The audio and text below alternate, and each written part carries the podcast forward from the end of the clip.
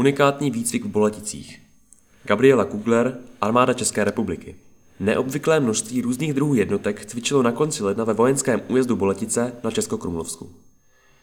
Sešly se tu současně palebná baterie dělostřeleckého oddílu, baterie aktivní zálohy, minometná četa, družstvo bezpilotních systémů, ale i studenti Univerzity obrany.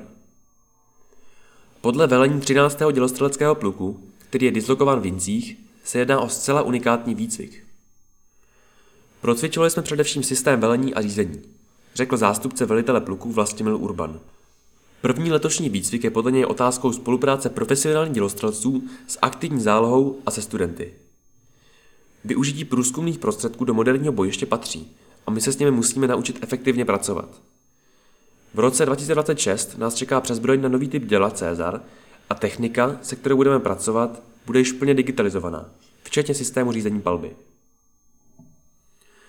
Vojáci 131. dělostřeleckého oddílu stříleli ze samohybných kanonových houfnic 152 mm Dana při převýšení z 500 do 1000 metrů v mimořádně složitém terénu na vzdálenost až 11 000 metrů.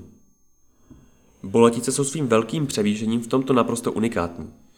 Při počítání prvků pro střelbu totiž musíme provádět výpočty jako při horské střelbě. Podotkl Vlastimil Urban.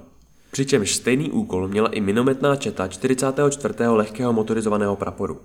Střelby obou pak posloužily k experimentům studentům Univerzity obrany a 533. praporu bezpilotních systémů.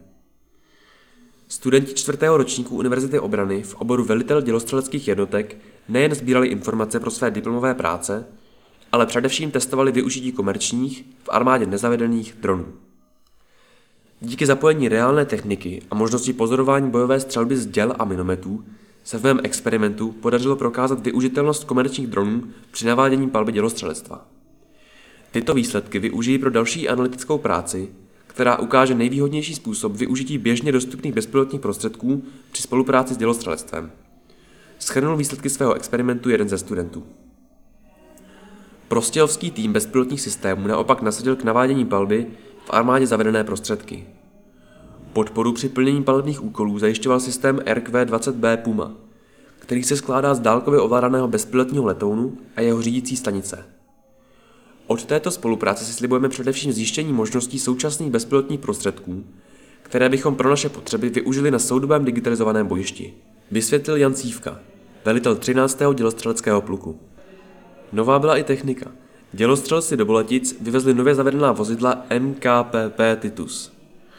Obsluhy měly možnost dokonalit konfiguraci vozidel a spojovacích sítí a vést datový provoz s dělostřeleckými návodčími na LOVPZ při vedení palby z děl.